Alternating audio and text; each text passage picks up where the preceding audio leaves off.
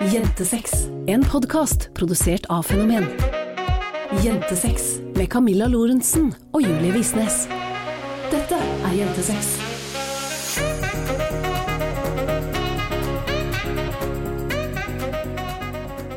Hallo alle sammen, og velkommen tilbake til en ny episode med podkasten Jentesex. Din favorittpodkast på iTunes, Podspace, Spotify Jeg vet ikke hvor du hører på podkast, ja. men uansett hvor, så gjetter jeg på at dette er favoritten din. Her i denne podkasten snakker vi om sex, seksualitet, samliv og selvfølelse oss jenter imellom. Og du hører meg, Camilla Lorentzen. Og meg, Julie Visnes. Mm, du er så søt i dag. Hæ? Ja, du er så søt i dag. Hvordan søt da? Jeg vet ikke, det er litt, litt i øya, litt på håret, litt i ansiktet. Okay. Litt overalt. Takk. Vær så god. Takk. Jeg bare var, jeg har ikke fått et kompliment fra deg på minst tre uker, så det var jo på tide. Mener du at du får lite komplimenter? Nei, jeg mente ikke det, jeg bare tulla. Ja, men mener du det? Nei, jeg Du bare gir meg mye flere komplimenter enn jeg gir deg. Ja, men det, det er jo vi snakka om før. Det er pga. kjærlighetsspråk og at mitt kjærlighetsspråk er words of affection, så derfor gir jeg det bort i tillegg. Så, men du får ikke nok tilbake, på en måte? Jo. Skulle du ønske at du fikk litt mer komplimenter? Nei. På ekte? Nei, ikke egentlig sånn, ikke. Ikke sånn podkast eh, Nei, nei, nei, nei, herregud. ekte, men sånn ekte-ekte. Ekte-ekte er jo podkast-ekte, vi holder jo faen ikke tilbake på en dritt her, men nei, det er bra. Jeg har det bra. Det trenger ikke noen flere komplimenter. Trenger du noe annet? Nå fikk jeg plutselig sånn over meg at jeg burde være en bedre kjæreste på en eller annen måte. Du er en veldig god kjæreste. Uh, nei, jeg trenger egentlig ikke noe, noe mer. Ingenting. Har du alt du trenger i forholdet vårt? Ja. Er du sikker? Ja. Ingenting sånn du tenker at liksom, dette burde det vært mer av, eller? Mer massasje, kanskje, men Du eh, liker jo ikke massasje. Hver gang jeg spør, så sier du nei, når du sitter på meg, så er du så tung at jeg spyr. Ja, men du trenger jo ikke sitte på meg når du gjør massasje. Nei, det er sant. Jeg kan ligge ved siden av. Ja. Det er greit litt mer massasje skal bli. Jeg trenger mange ting, men siden du ikke spurte, så tenker jeg at min mening Hva ikke er trenger du? Nei da, det kan vi hoppe over i dag. Nei, vi si kan det da, gå rett videre til Nei, hva slutt! som har skjedd siden sist. Slutt! Jeg vil vite Ja, hva jeg trenger mer av i forholdet. Mer kos. Du får jo kos hver time. Ja. Men jeg trenger mer stryking. Jeg stryker på deg 45 minutter hver kveld før du sovner. Ja, men kiling på ryggen. Mer spesifikt kiling på ryggen. Med fingertupper. Eh, mindre negl. Litt negl av og til også. Men det er mer den derre Tenk at du spiller piano, men veldig forsiktig. Sånn. Mer, litt mer sånn stryking på ryggen Akkurat på som du ikke får det hver kveld. Mer. Du spurte hva jeg trenger mer av, det er det. Utover det så er jeg veldig fornøyd. Ja. Når vi nå endelig har eh, fått prata om hva som er viktig for oss i, i forholdet og hva vi trenger mer av, så tenker jeg at det er på tide å hoppe over til hva som har skjedd siden sist. Og altså, Julia, det har jo skjedd en ganske stor ting siden sist. Vi har ansatt en person i firmaet vårt. Og Den det- første personen i firmaet vårt. Vet du hvor sjukt det er? Det er faktisk ganske vilt. Og jeg klarer nesten ikke å prate om det, skjønner du, fordi jeg er jo veldig redd og nervøs av meg. Jeg er jo ikke akkurat en person som er kjent for å være uforsiktig og ta store sjanser. Jeg er jo, jeg er jo den som kanskje holder meg på en måte på den smale sti eh, så godt som mulig. Altså, jeg har oversikt over økonomien vår tolv måneder fram i tid, og vet liksom nøyaktig hva som skal inn på feriepengekonto og skattekonto, og jeg har aldri liksom ikke betalt en regning. Altså, jeg er liksom bare helt der. Og det å skulle ansette noen, eller rettere sagt, det å ha ansatt noen, for meg, det er altså så skummelt at jeg har hatt problemer med å sove for første gang på veldig lenge. Ja. ja, men jeg syns Tonje sa det sykt fint, fordi at du var jo så nervøs her eh, i helgen og bare sånn nei, vi kan ikke ansette fordi at det tør jeg ikke, og, så spurte Tonje deg men hva er det du er redd for? Og så var det bare faktorer som ikke hadde noe med personen vi nå har ansatt å gjøre, og det, det synes jeg var så sjukt fint, fordi at det, det hjalp oss å velge riktig person og innse at de fryktene, da, holdt jeg på å si, den frykten du sitter med, ikke er en reell frykt, typ.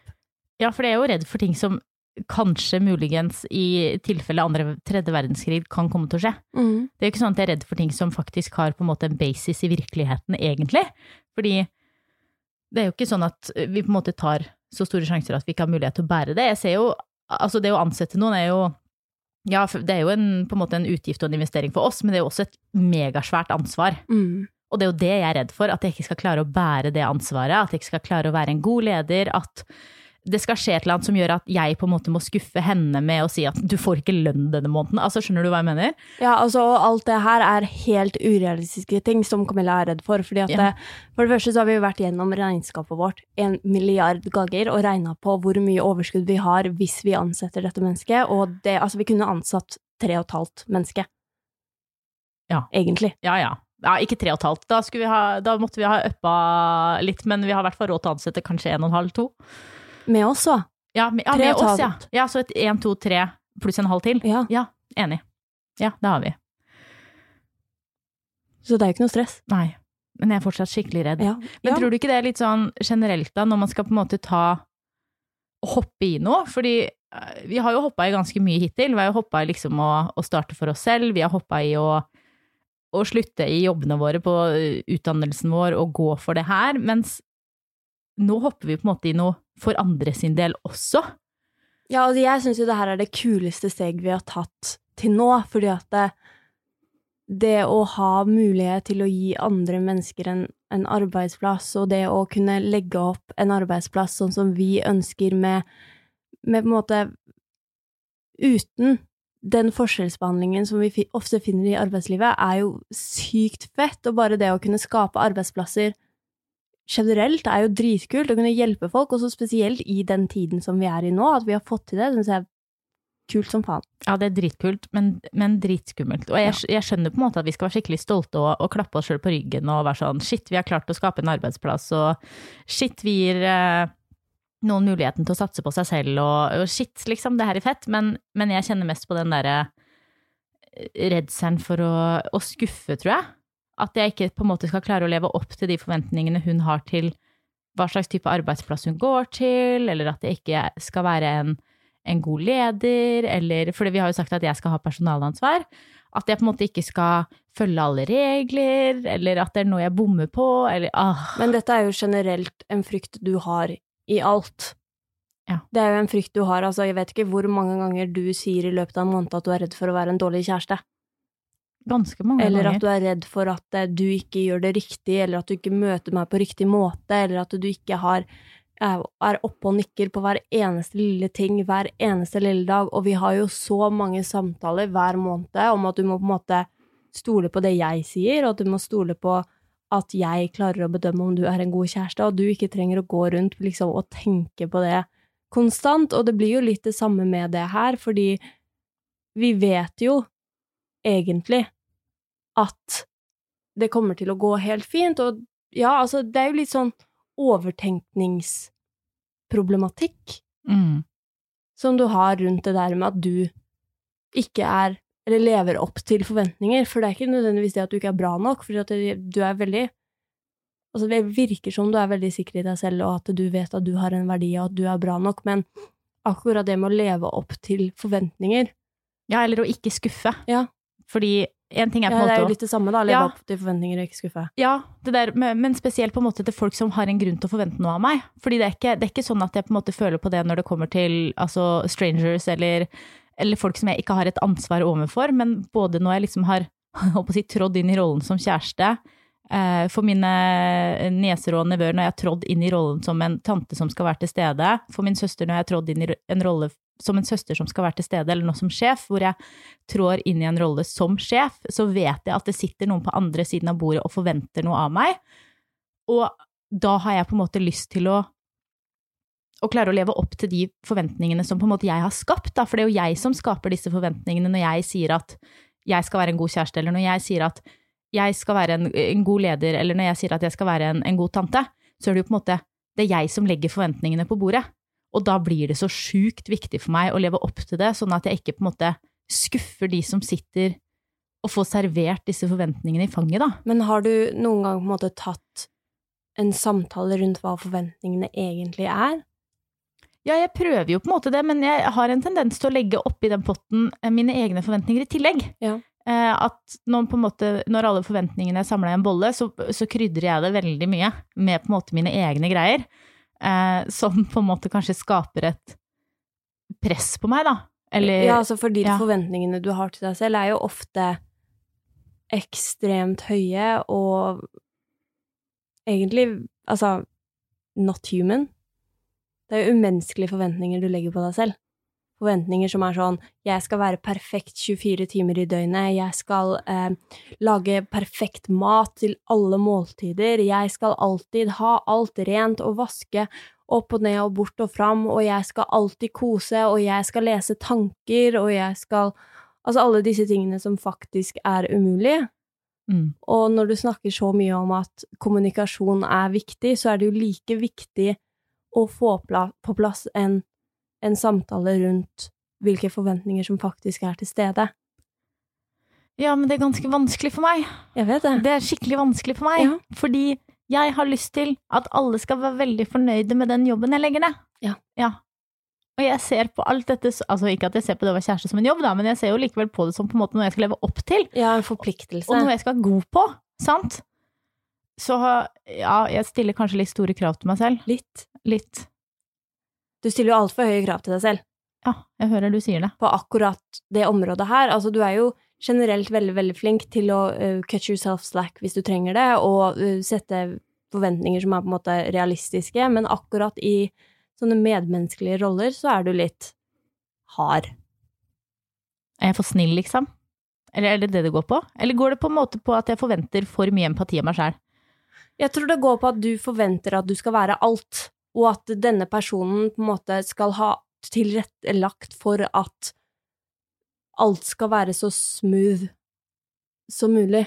Altså, du forventer at du skal legge opp til at jeg syns det er helt fint å prate om ting som er vanskelig. Du forventer at du skal legge opp til at jeg skal spise alle måltider fordi det er viktig for helsa mi. Du forventer at du skal legge opp til at jeg skal komme meg på trening hver dag. Du forventer at du skal legge opp til at jeg får gjort mine hobbyer og har min egen tid.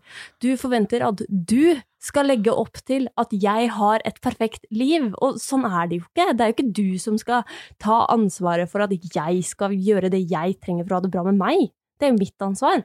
Dette er veldig rart for meg. Dette skjønner jeg ikke. Nei, er det det? Akkurat som at hvis jeg hadde eh, altså prøvd å gjøre det samme tilbake, så hadde du jo klikka. Fordi at da er jo du igjen på det her med at du skal legge til rette for Du skal legge til rette for alle. Du skal legge til rette for deg, du skal legge til rette for meg, du skal legge til rette for Aya og Jakob. Du skal legge til rette for alle mennesker som du bryr deg om. Og uansett hva de gjør, eller hva på en måte greia er, så er liksom alt Herregud, helt ok, du har en dårlig dag. Null stress, jeg skal gjøre alt. Jeg gjør alt.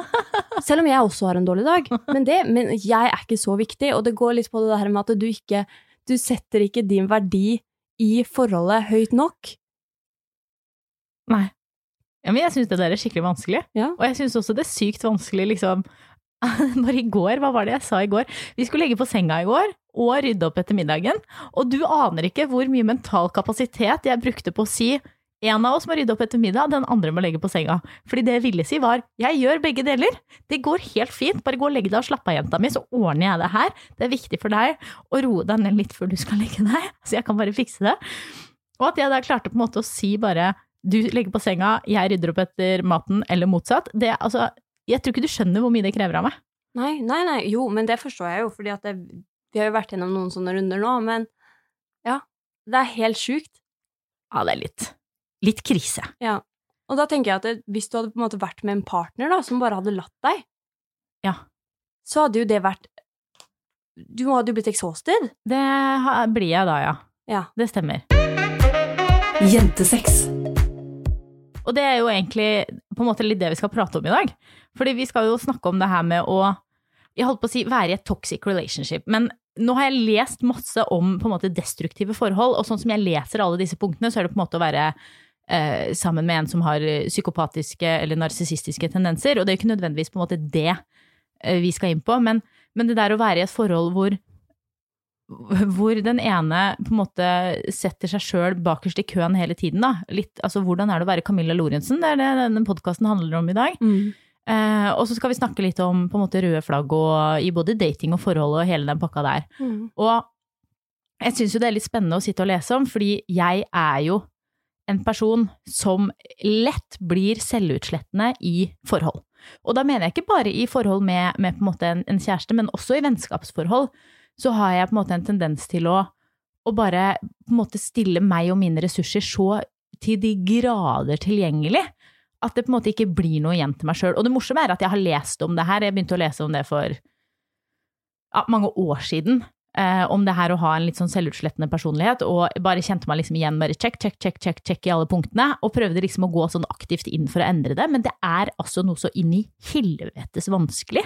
Ja, og så tenker jeg sånn spesielt i et parforhold, da, nå skal ikke jeg sette meg på en sånn her pedestall og heie på meg sjæl så jævlig her, men jeg føler jo at for at du skal kunne fungere i et forhold, så må du også ha en partner som er klar over de selvutslettende tingene du driver med, og på en måte kan catche deg på det, siden det er så innmari vanskelig å catche deg selv. Mm. Fordi at det er så sykt mye følelser involvert, og det er Du føler du, altså Correct me if I'm wrong, men du føler kanskje at hvis du setter grenser, så setter du ikke bare grenser for deg selv, men også for en annen person, på en måte. At det legger, det legger mer arbeid på en annen person, eller mer følelser på en annen person, eller mer på en måte hassle på en annen person, eller mer hverdag. Ja, og så tror jeg at, at det på en måte Jeg blir litt sånn redd for, fordi altså jeg vet på en måte at i en eksempel en datingfase, så er det jo på en måte naturlig å være seg selv litt sånn 10 000 på det man er god på, sant? På det man har av gode egenskaper. Og det å sette andre først er jo i en datingfase en god egenskap. Fordi da føler jo den personen du dater eller er sammen med, at på en måte, herregud, eh, med dette mennesket så kan jeg virkelig slappe av. Med dette mennesket så får jeg tid til meg, med dette mennesket så har jeg på en måte en verdi, og mine ting er viktige. Og så tror jeg at jeg på en måte drar med meg hele den derre eh, være 10 000 meg sjøl på det der å sette andre først. Eh, inn i forholdet og blir redd for at hvis jeg på en måte cutter back og begynner å sette meg selv først i forholdet, så eh, er jeg ikke den personen som kjæresten min ble sammen med Mm. at da på en måte plutselig så blir jeg annerledes. Altså da blir jeg den som er sånn du har forandret deg.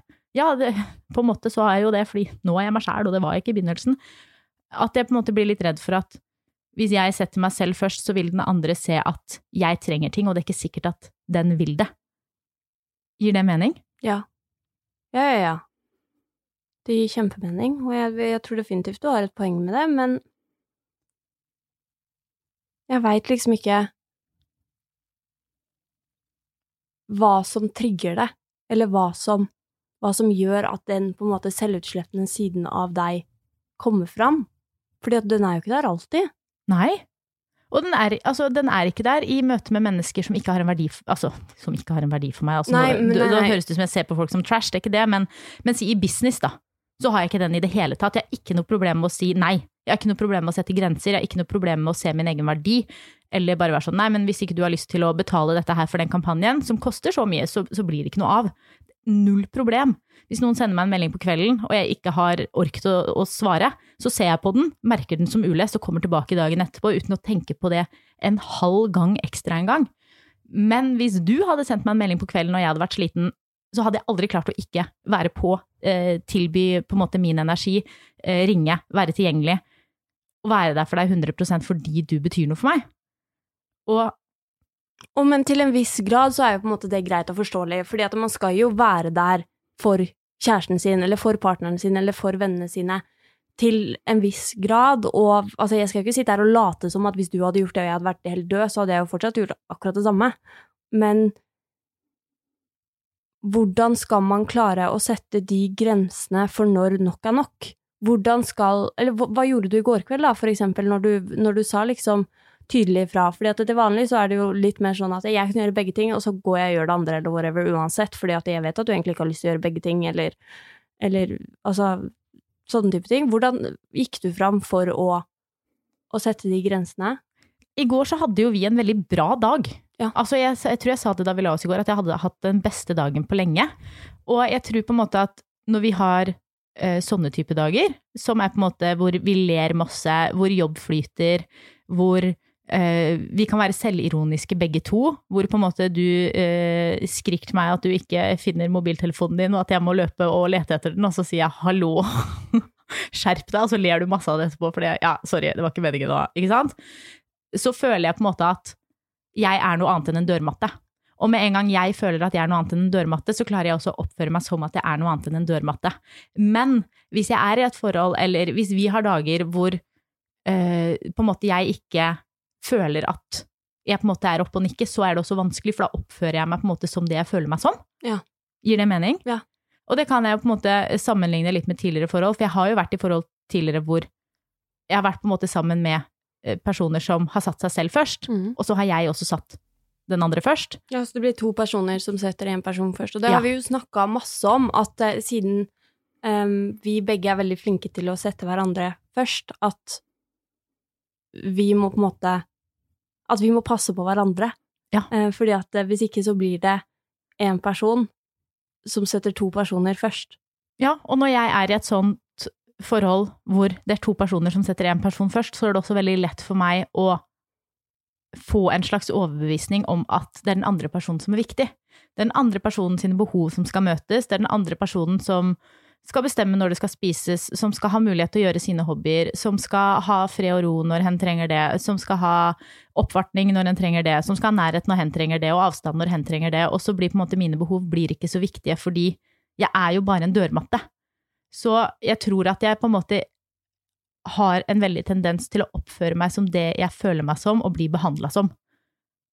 Noe som jo kan være negativt hvis jeg er på en måte i et forhold med en person som behandler meg som en dørmatte fordi jeg gir henne mulighet til det, eller eh, ja, at det på en måte bare blir Jeg bare blir det jeg blir behandla som. Gir det mening? Ja, ja, ja, absolutt. Og så, jeg vet ikke, jeg føler at spesielt hvis man, litt det du snakka om i stad, hvis man starta eh, datingperioden med å oppføre seg på en viss måte, og den andre personen oppførte seg på en viss måte som på en måte tilsa at hen satte seg først, mens du fremdeles også satt den personen først, så er det vanskelig å, å på en måte ta det opp i tillegg, eller i hvert fall, det kan jeg på en måte koble til eh, mine tidligere forhold med at eh, det har vært så vanskelig å si fra, fordi det er jo faktisk sånn den personen har oppført seg siden starten. Og det var jo jeg som valgte å gå inn i et forhold med denne personen som viste sine true colors fra day one. Um, Og da er det din skyld, og, da, liksom? og da følte jeg liksom at det var ok, men det var jo det her jeg ville ha. Og så er det jo ikke det jeg ville ha, men så følte jeg at det var det jeg ville ha i starten, fordi jeg var så desperate etter fucking attention, og så blir det bare sånn, ok, men, men skal jeg da ta opp at denne personen må forandre seg når hen har på en måte vist at det er den personen hen er fra starten? Føles det urettferdig? Litt. Eller det føltes i hvert fall litt urettferdig, men jeg var også var da 19 år, da. Ja, ja. Men ja, det var ikke helt eh, Jeg syns det var skikkelig vanskelig. Ja, men det skjønner jeg godt. Altså, jeg elsker at du nå tar av deg klærne og sitter varmt. toppløs. Dritvarmt. Altså, jeg tenker det er bra at vi er kjærester. Jeg hadde jo ikke gjort det hvis vi ikke var kjærester. Det Eller satt satt hjemme. Jeg hadde jo ikke gjort det her i podkaststudio. Hadde du ikke? Nei. Det hadde du. Nei. Ikke, du hadde ikke ikke gjort det. Jo. Nei, det tror jeg ikke Jeg hadde i hvert fall hatt det med under. ja, men jeg, jeg skjønner det så godt, fordi altså, jeg har jo også gått inn i, i forhold tidligere med på en måte Altså, mennesker som bare har vist meg hvem de er, og så har jeg tillatt det, eller jeg har på en måte, jeg tror jeg har satt min egen verdi så jævlig lavt da i begynnelsen av forholdet, at jeg har på en måte ikke skjønt at jeg fortjener bedre, og når jeg kommer dit hvor jeg tenker at jeg fortjener bedre enn det her, så har jeg ikke hatt uh, the vagina til å si fra, som vi Mm. nå sier fordi vi er to jenter. Mm. Ikke, vi har jo ikke baller til å si fra. Og i tillegg så tror jeg at jeg klarte på en måte å overbevise meg sjøl om at det kanskje bare var sånn dette forholdet skulle være, og at følelsen av å bli satt pris på, av å bli elska, av å bli sett, av å bli altså, behandla som en prinsesse, eller hva man skal kalle det, på en måte kom til å komme etter hvert. Sånn at på en måte i tillegg til å ha gått inn i et forhold på litt sånn feil premisser, så tror jeg at jeg liksom begynte å leve i forholdet med et håp om at det bare skulle forandre seg av seg sjøl. At det, det ble på en måte basert på forventningene jeg hadde til hva som kunne komme, istedenfor på eh, på en måte en anerkjennelse av hva som var, da. Skjønner du hva jeg mener med det? Men tror du ikke det kan være litt sånn, da, når man går inn i et forhold basert på at man ønsker bekreftelse? Fordi at jeg vet jo at jeg gikk jo inn i det forholdet her på helt andre premisser enn jeg gikk inn i mitt forrige forhold, og legit grunnen til at jeg ville bli sammen med deg, var fordi jeg var forelska i deg, liksom. Ikke fordi jeg ville ha bekreftelse fra deg, og ikke fordi at jeg, hadde så lav selvfølelse at jeg følte at jeg ikke kunne være alene, eller At du ikke kunne få bedre, eller ja, alle de tingene der som jeg kjente veldig på i det forrige forholdet mitt, som også var et sånt forhold hvor jeg på en måte la meg selv helt flat. At hvis jeg hadde hatt høyere selvfølelse og, og satt en høyere verdi på meg selv, da, for jeg satte en veldig lav verdi på meg selv, at jeg da også hadde klart å sette flere grenser. Tror du ikke at det, altså bare for å, å dra en veldig generalisering, tror du ikke at det er litt sånn typisk for forhold som starter før man har funnet ut av hvem man er? Jo, kanskje. Altså, forhold som starter Altså, nå er det jo så klart noen er jo veldig tidlig ute og vet hvem de er som 18-åringer. Eh, jeg skjønner jo ikke hvordan det går an, men det fins jo sikkert de som, som, gjør det og på en måte kjenner sin egen verdi og er trygge på seg selv og, og vet hvem de er og hva de fortjener. Men jeg visste jo ikke det da jeg var 19, 20, 21, 22, 23, 24, 25. Jeg hadde jo ikke, altså, hadde jo ikke peiling på hvem jeg var, jeg hadde ikke peiling på hva jeg ville, jeg hadde ikke peiling på hva jeg ville ha ut av et forhold, annet enn at jeg ville ha en person som ga meg bekreftelse på at jeg var god nok. Og jeg ser jo for meg at forhold som starter på det premisset, ofte vil føre til at den som går inn i forholdet med de tankene, legger seg flat og blir en dørmatte, og at det er på en måte vanskelig da, og etter hvert, når man på en måte finner ut av hvem man er og finner ut av hva man er verdt, at, man, at det da likevel er vanskelig å sette de grensene for seg sjøl. Det var det i hvert fall for meg. Og jeg tror jo ikke nødvendigvis at det handler om bare at man er i et forhold med noen som er overkjørende. Det handler jo også om at man sjøl ikke klarer å sette grensene og si nei, dette er ikke greit. Fordi også i et forhold så må man jo lære opp med hverandre til hvordan det er ålreit å, å, behandle. Sant? Du må jo fortelle meg hvor dine grenser går, sånn at jeg kan respektere de og behandle deg riktig. Og du, jeg må fortelle deg hvor mine grenser går, sånn at du kan gjøre det samme. Og hvis man er i et forhold hvor man aldri klarer å sette de grensene, og godtar og godtar og godtar og godtar, alt fra utroskap til uh, sjalusi til uh, at den andre på en måte sier nei, du får ikke reise dit fordi det er andre menn eller kvinner der, eller så sier man jo også at sånn type oppførsel er greit, det er sånn jeg fortjener å bli behandla, det er sånn det er greit at du behandler meg. Ja, altså er det ikke et sånn saying som sier sånn herre you accept the love you think you deserve? Å ja. Er det Pinterest? Nei, det er vel en eh, Jeg husker ikke hvem det er, men det, it's a ja. movie, tror jeg. Ja, det kan hende. Men det er jo i hvert fall veldig bra ja. utsagn. For det er jo akkurat det vi gjør. Vi, ja, vi på en måte aksepterer den kjærligheten vi tror vi fortjener. Mm. Og hvis vi ikke tror vi fortjener bedre, så blir vi jo bare værende i den litt kjærlighetsløse kjærligheten. Ja. Og jeg bare lurer på hvor mange som gjør sånn som jeg gjorde, og bare er i et forhold fordi man ser potensialet. Hvordan kommer man seg ut av det, da? For det er jo dritvanskelig. Altså, ja. det er en ting sånn derre uh, De sitter her og hører på den podkasten og bare Oi, shit, ja, det er jo meg! Men hvordan kommer jeg meg ut av det? Hvordan, hvordan jobber jeg med meg selv? Går det an å jobbe med seg selv samtidig som man er i et forhold, og dermed komme seg ut av det når man har fått bygd opp selvfølelsen sin? Eller klarer Altså, jeg bare tror ikke jeg hadde klart å sette den, den grensen når jeg var så redd for å bli avvist og forlatt og være alene og alt det der, uavhengig av hvor mye jeg hadde kjent meg igjen i ting. For at jeg også, når jeg var i det forholdet, scrolla meg jo nedover Pinterest og Instagram og Syv tegn på at dere ikke passer sammen. Ja, og alle sånne ting, og jeg bare ja, check, check, check. Min, det endte jo fortsatt med at det var jeg som ble dumpa. Ja, jeg anbefaler å bruke en tre-fire år, jeg. Ja på et sånt brudd. Det er på en måte mitt beste tips. Det er, å, det er, å, begynne en selvutviklingsreise, og så bruke veldig lang tid. Men det er jo det jeg generelt har gjort i begge mine langtidsforhold. Det er jo at jeg har brukt jævlig lang tid. Jeg, jeg, jeg klarer jo ikke å bare si nå er det slutt fordi jeg har begynt å miste følelser, eller nå er det slutt fordi jeg ser at jeg eh, vil ha noe annet, eller Altså, de, jeg, jeg, har ikke den evnen, jeg. Jeg, har, jeg misunner de som har det. Som har på en måte bare den evnen til å si nei, jeg vil ikke mer. For jeg bruker gjerne en, hva skal jeg si, åtte til tolv arbeidsuker på noe sånt. Altså, i, i, det første forholdet jeg var i, så burde jeg ha slått opp, hva da, to år før vi gjorde det sikkert. Jeg husker jeg, jeg, reiste til eh, Bali for å studere det siste halvåret vi var kjærester. Og altså, han var en fantastisk type. Mm. Jeg har ikke noe vondt å si om han for alt i verden. Altså, en snillere, mer ålreit menneske skal du lete etter, men jeg hadde ikke følelsene lenger, sant. Um, og da han kom ned for å besøke meg der, og jeg så han på flyplassen, så var det sånn åh, hvorfor skal jeg tilbringe tid med deg nå? Altså, mitt opphold på Bali gikk fra ti av ti til to av ti da han kom på besøk eh, to uker før vi var ferdig med skolen, eller hva faen det var. Og allikevel så holdt jeg på med han i to år til. Ja. ja. Og da burde jeg jo bare sagt der og da oi, shit, dette var dumt, jeg skal betale flybillett hjem, eller du får reise alene, eller eh, do whatever the fuck you want. Men i, i stedet for, vet du hva jeg gjorde? Nei, da slutta jeg med å gjøre alle de tingene som jeg hadde syntes var gøy på Bali. Begynte å tilbringe 24 timer i døgnet med han. Og hadde det altså miserabelt. Kan du forstå? Kan du skjønne? Fram til da så hadde jeg vært ute hva da, fire ganger i uka, og det var altså så gøy.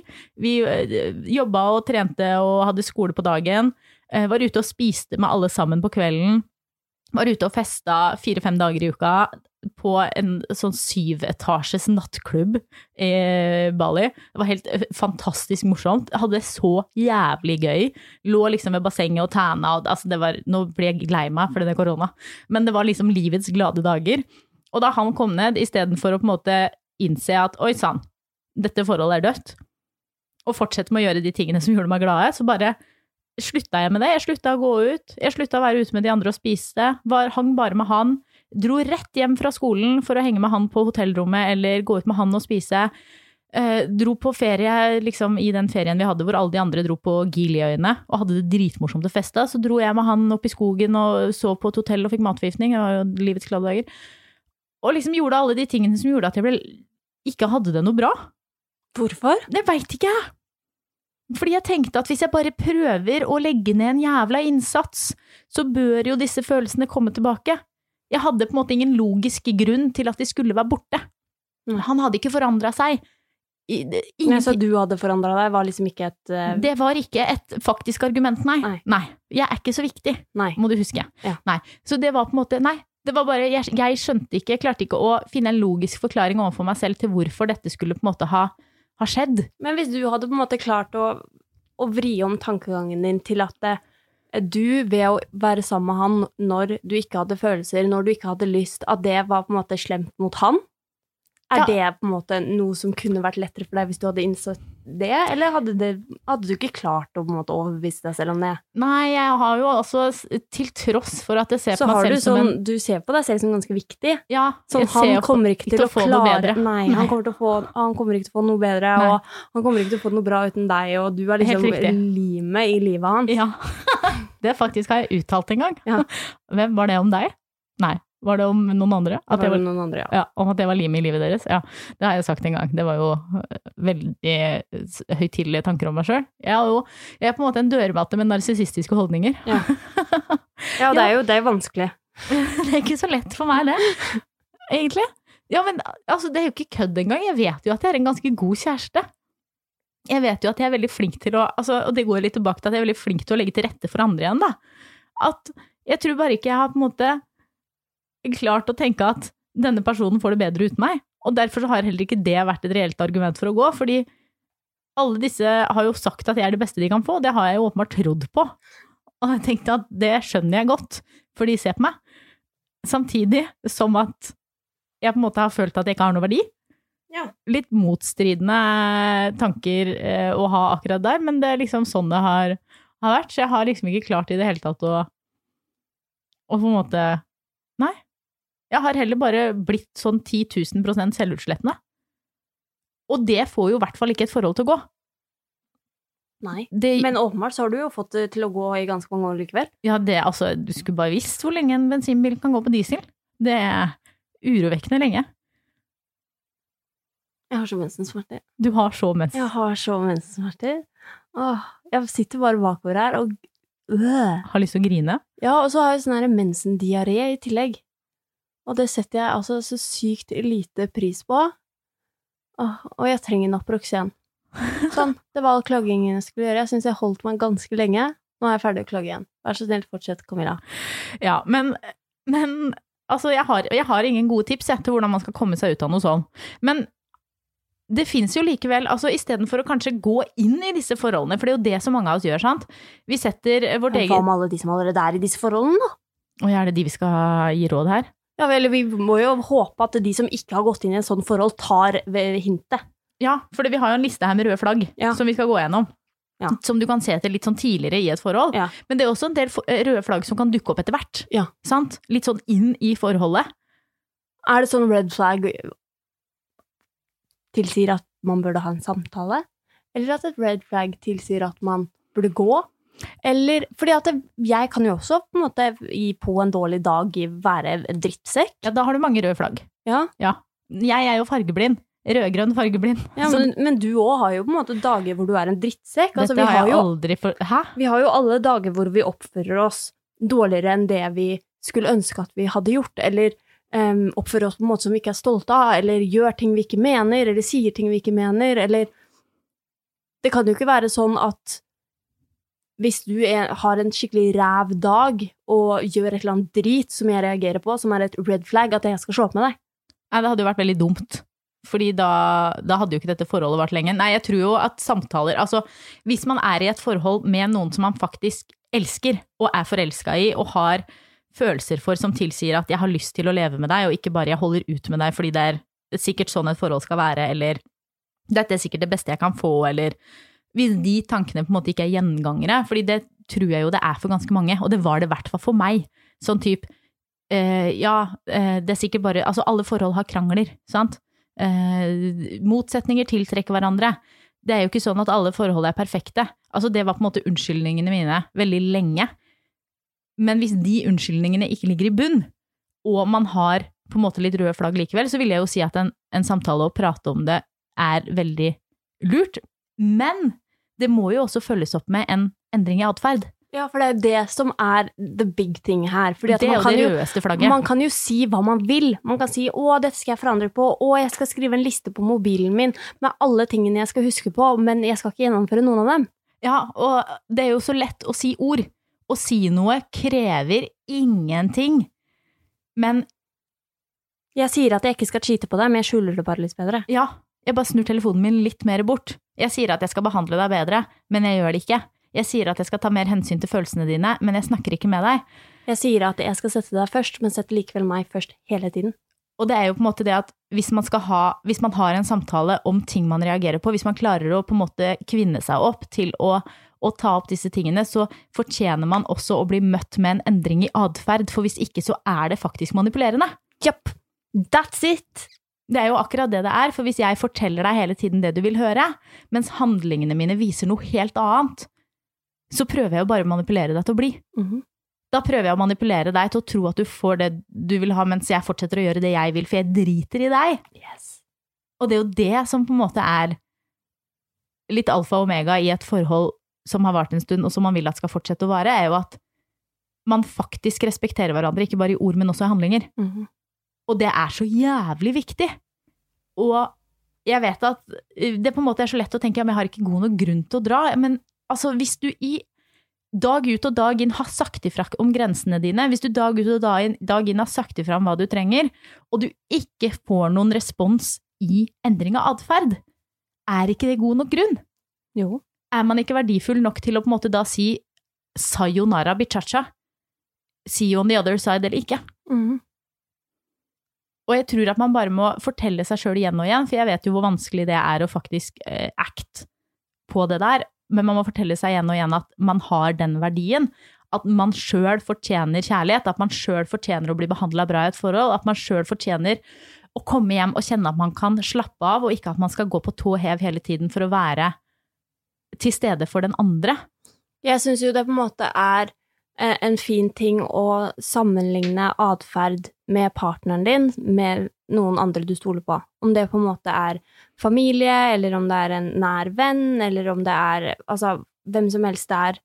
Um, og hvis du på en måte sammenligner den atferden med den atferden du har hjemme, og den atferden du har hjemme er veldig mye mer tens og anspent og liksom sånn skuldrene opp i øra, så er det kanskje på tide å ha hvert fall en samtale med seg selv om liksom hva det er som gjør at du ikke klarer å slappe av hjemme. Og når du på en måte har identifisert problemet, så kan du gjøre noe med det. Altså om det da viser seg at grunnen til at du ikke slapper av hjemme er fordi at du ikke har det bra med partneren din, eller du mangler ting i forholdet, eller whatsoever, så kan det på en måte være et tegn da, på at du bør ha, ha en samtale og faktisk si ifra, fordi at det, vi kan snakke så mye vi vil om at det, ja, um, change of behavior og alt sånt her er dritviktig, men det første steget er jo uansett at du må si ifra. Kan man sammenligne det litt med å jobbe et sted hvor det er dårlig arbeidsmiljø? Ja. Og hvor du på en måte, hver gang du går på jobb, så kjenner du på en måte at du gruer deg litt, fordi du vet at kollegaene dine ikke er ålreite mot deg, du vet at jobben du legger ned ikke blir verdsatt eller blir stjålet av kollegaer, eh, sånn at du aldri får praise, og så sier du fra om det, og så sier på en måte sjefen din at shit, dette skal vi virkelig ta tak i, og så blir det ikke gjort en damn shit. Espressos. Ja, ja, men sant. Altså, altså, du får liksom beskjed om at vi hører deg, vi ser deg, vi skjønner at dette ikke er noe hyggelig, vi skal virkelig ta tak i det. Og så blir det hengt opp en lapp på døra. Arbeidsmiljø er viktig. Så er det litt sånn, ja, Eller så blir du tatt inn i en samtale med arbeidsmiljøet, hva heter det, Arbeidstilsynet. Arbeidstilsynet, hvor begge sjefene sitter ved siden av deg, og når du svarer på spørsmål. Ja, det er kjempehyggelig. Altså, man, man hadde jo skjønt i en sånn type situasjon at oi, her er det faktisk ingen ønske om forandring. Denne jobben er åpenbart ikke en plass hvor jeg blir verdsatt og hvor mine behov settes først. Vet du hva, jeg må finne meg en ny jobb. Og litt sånn er det jo i et forhold også. Hvis det eneste som blir gjort er å henge opp en jævla lapp på døra med 'jeg skal være en god kjæreste', så er ikke det nok. Du fortjener på en måte mer enn det. Og du har lov til å gå fra det forholdet i like stor grad som du har lov til å gå fra en jobb eller øh, finne en ny hobby. Yes. Amen. Amen. Men hvis vi nå skal ta en liten på, på røde flagg tidligere i forholdet, fordi det lovte vi jo i begynnelsen, og jeg har jo lært at forventningsavklaringer er veldig viktig, Ja. og også at man da senere lever opp til forventningene. Ja. Det er jo ting jeg har lest på Ledernytt, Ja. eh, som på en måte er veldig viktig å gjøre eh, i et godt arbeidsforhold, og dette er jo på en måte et arbeidsforhold, det. Ja. Så er det jo også noen på en måte ting man kan se opp for tidlig i et forhold, fordi hvis man nå er i en datingfase, da, Ja. og ikke Har du så vondt? Ja. Klarer du ikke å sitte stille? Nei. Nå har du fått pannelugg. Ja.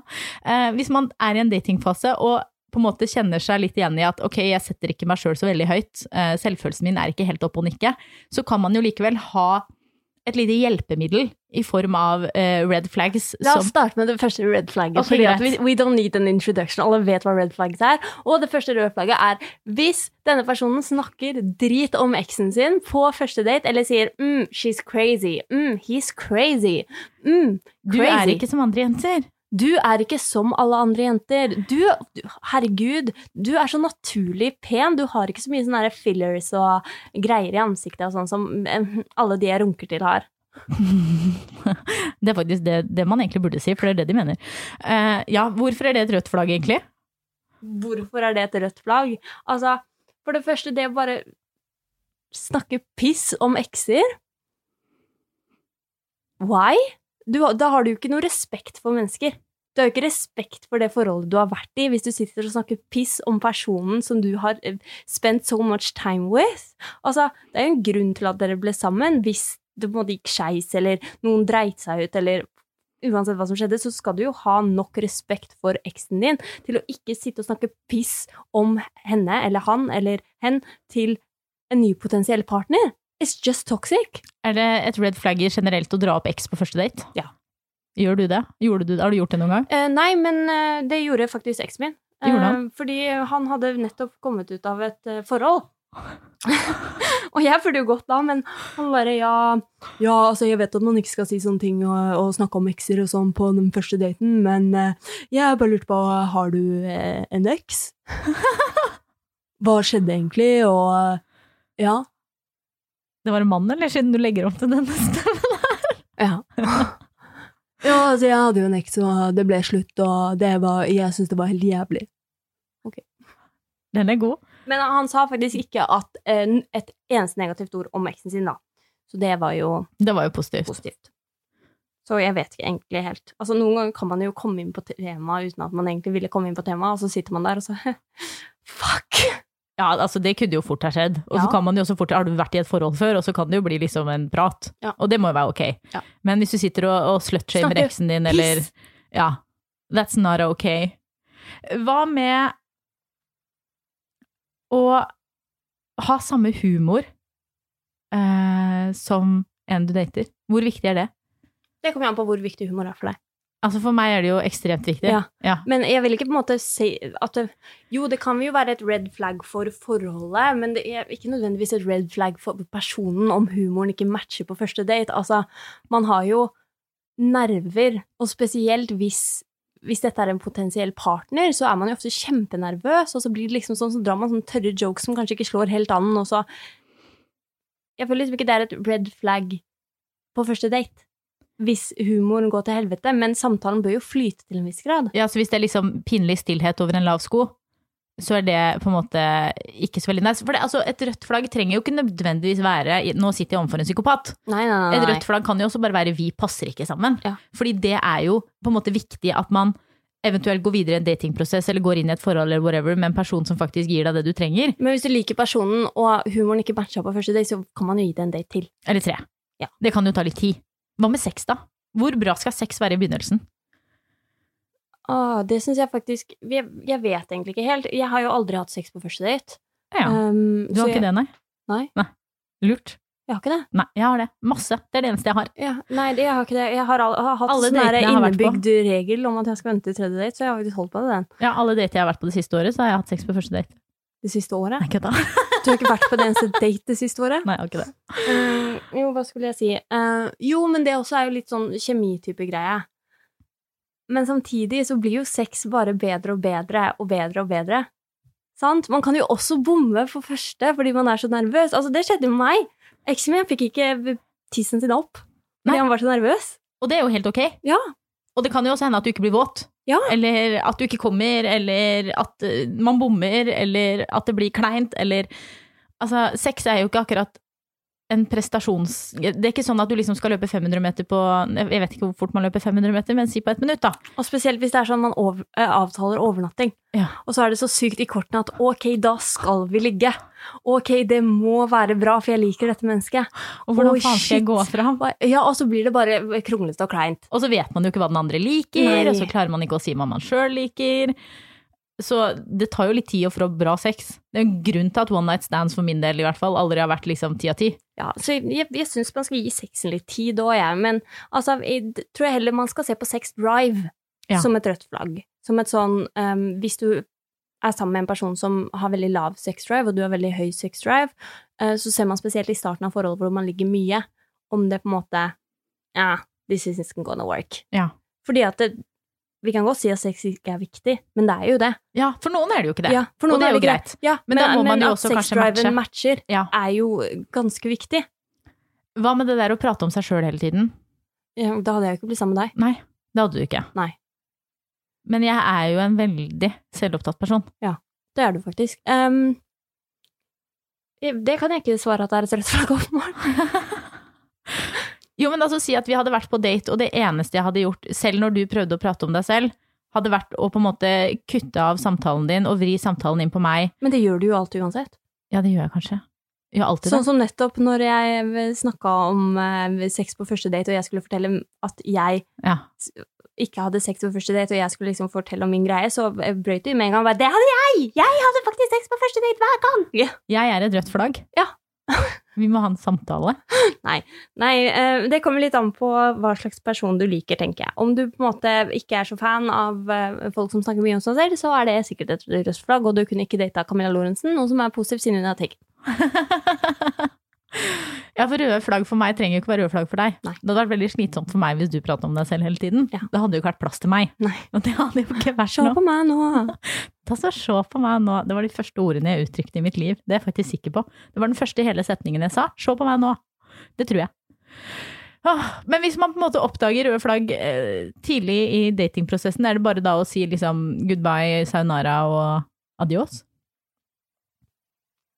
Ja, altså Tidlig i datingprosessen er jo det ganske lett, da. Ja. Bare ikke ghost. Vær et ordentlig menneske og liksom send en melding og bare sånn 'Hei, sykt hyggelig å bli kjent med deg, men jeg tror ikke vi er en match.' Um, jeg føler ikke at vi er en match, og ja.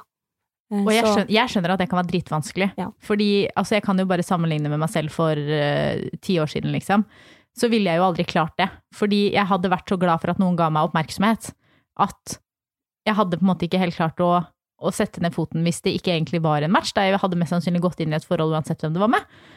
Um, men jeg tror, vet, er helt sikker på at man har så sjukt igjen for det, og faktisk eh, ta en liten sånn altså forventningsavklaring med seg sjøl, da. hvor man går litt gjennom ok, men hva er det jeg vil ha ut av et forhold, og kan jeg få det med denne personen? Og være litt sånn streng mot seg selv og si nei hvis det ikke matcher. Altså, Og ikke er ta det første og beste. Nei.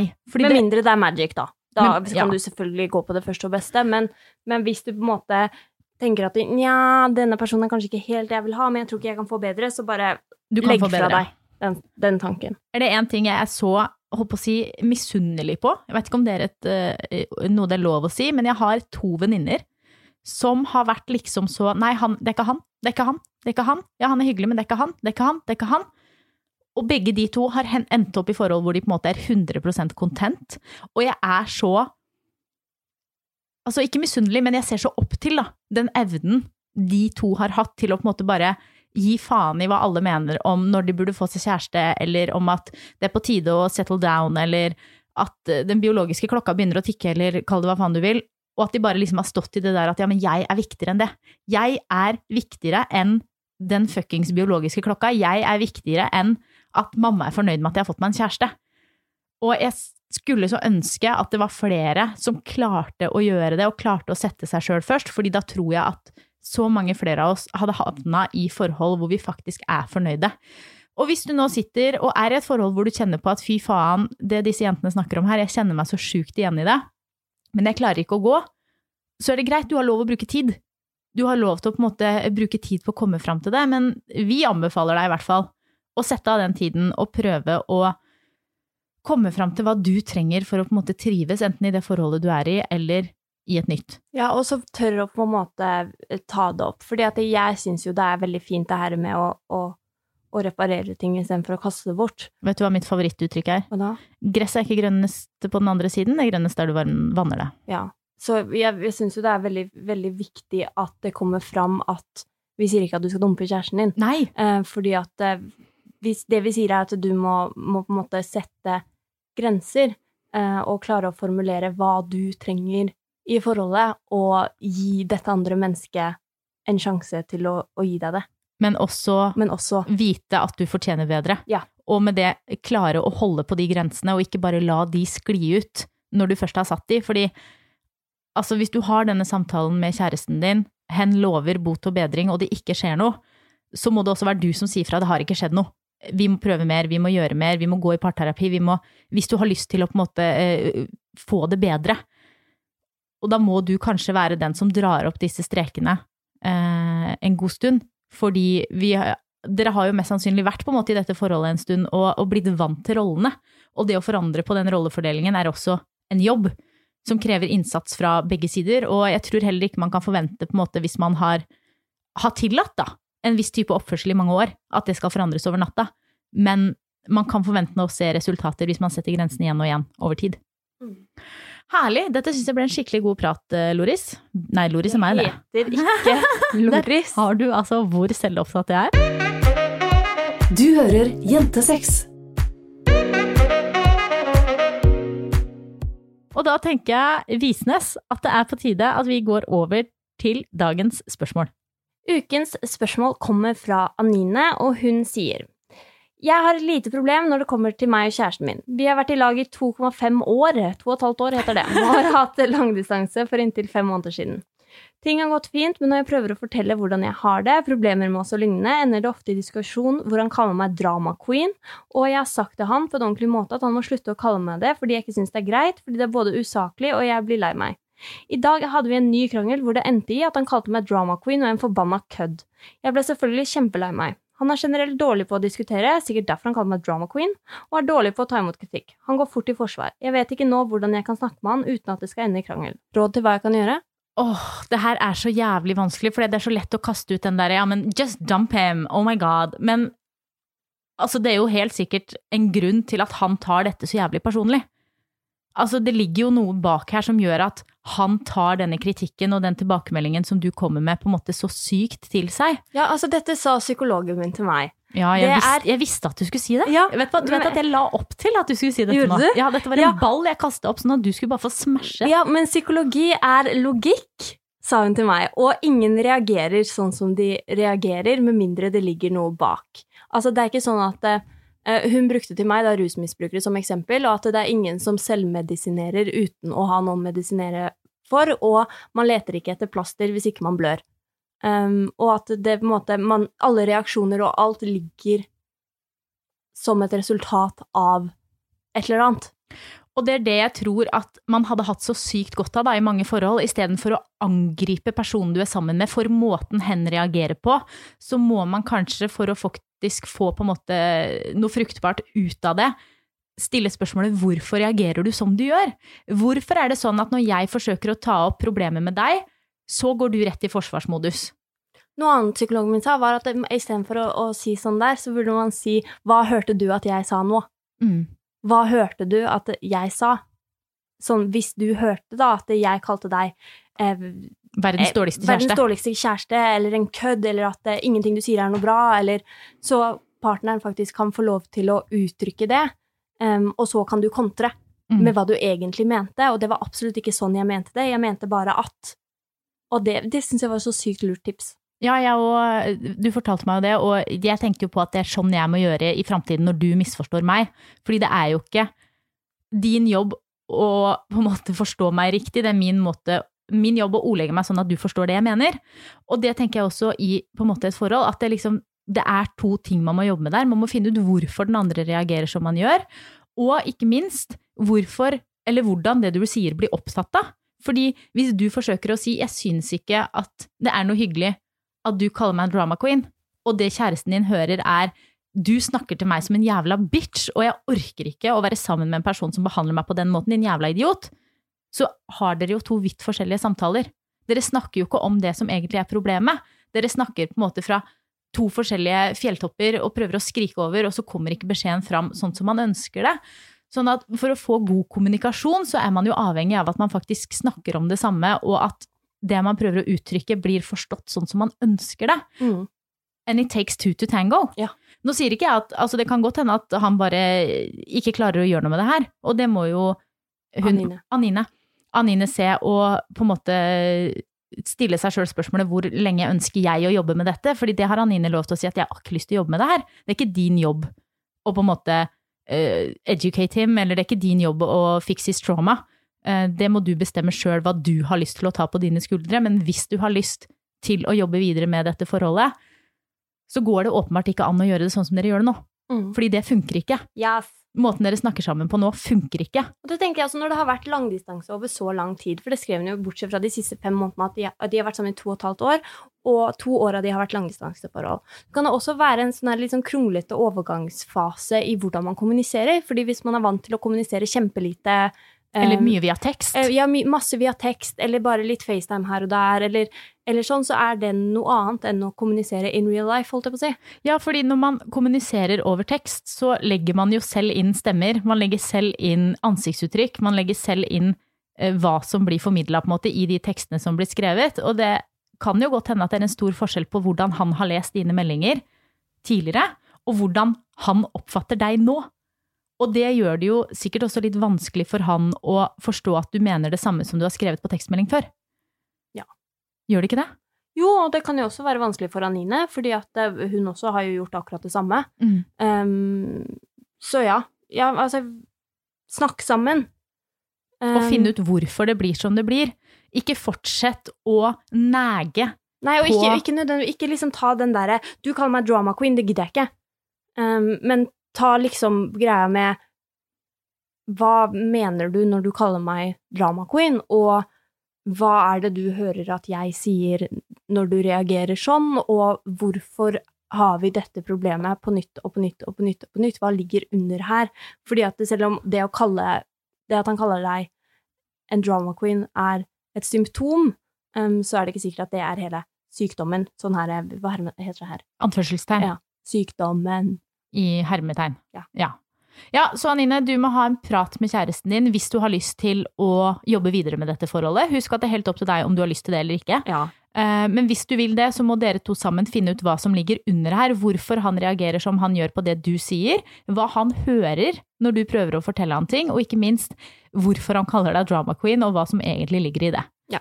Og vi er sikre på at dere finner ut av dette, og så klart håper vi at dere sender oss en liten melding med en oppdatering på hvordan det går. Og hvis dere ikke finner ut av det sammen, så er jo parterapi et sted å gå hvor man faktisk kan få hjelp av en objektiv tredjeperson til å se litt på hva som foregår i kommunikasjonsveiene her, for det kan jo hende at dere ikke klarer å se det selv. Og med det så tenker jeg at vi sier takk for i dag. Vi høres igjen om en uke. Fram til da så håper vi at du går inn i iTunes, legger igjen fem stjerner, slenger igjen en kommentar, og følger oss på Instagram under Julie E. Visnes og Camilla Lor. Og der kan dere jo også sende inn spørsmål. Vi høres. Det gjør vi. Heia! Du har hørt Jentesex med Camilla Lorentzen og Julie Visnes. En podkast produsert av Fenomen.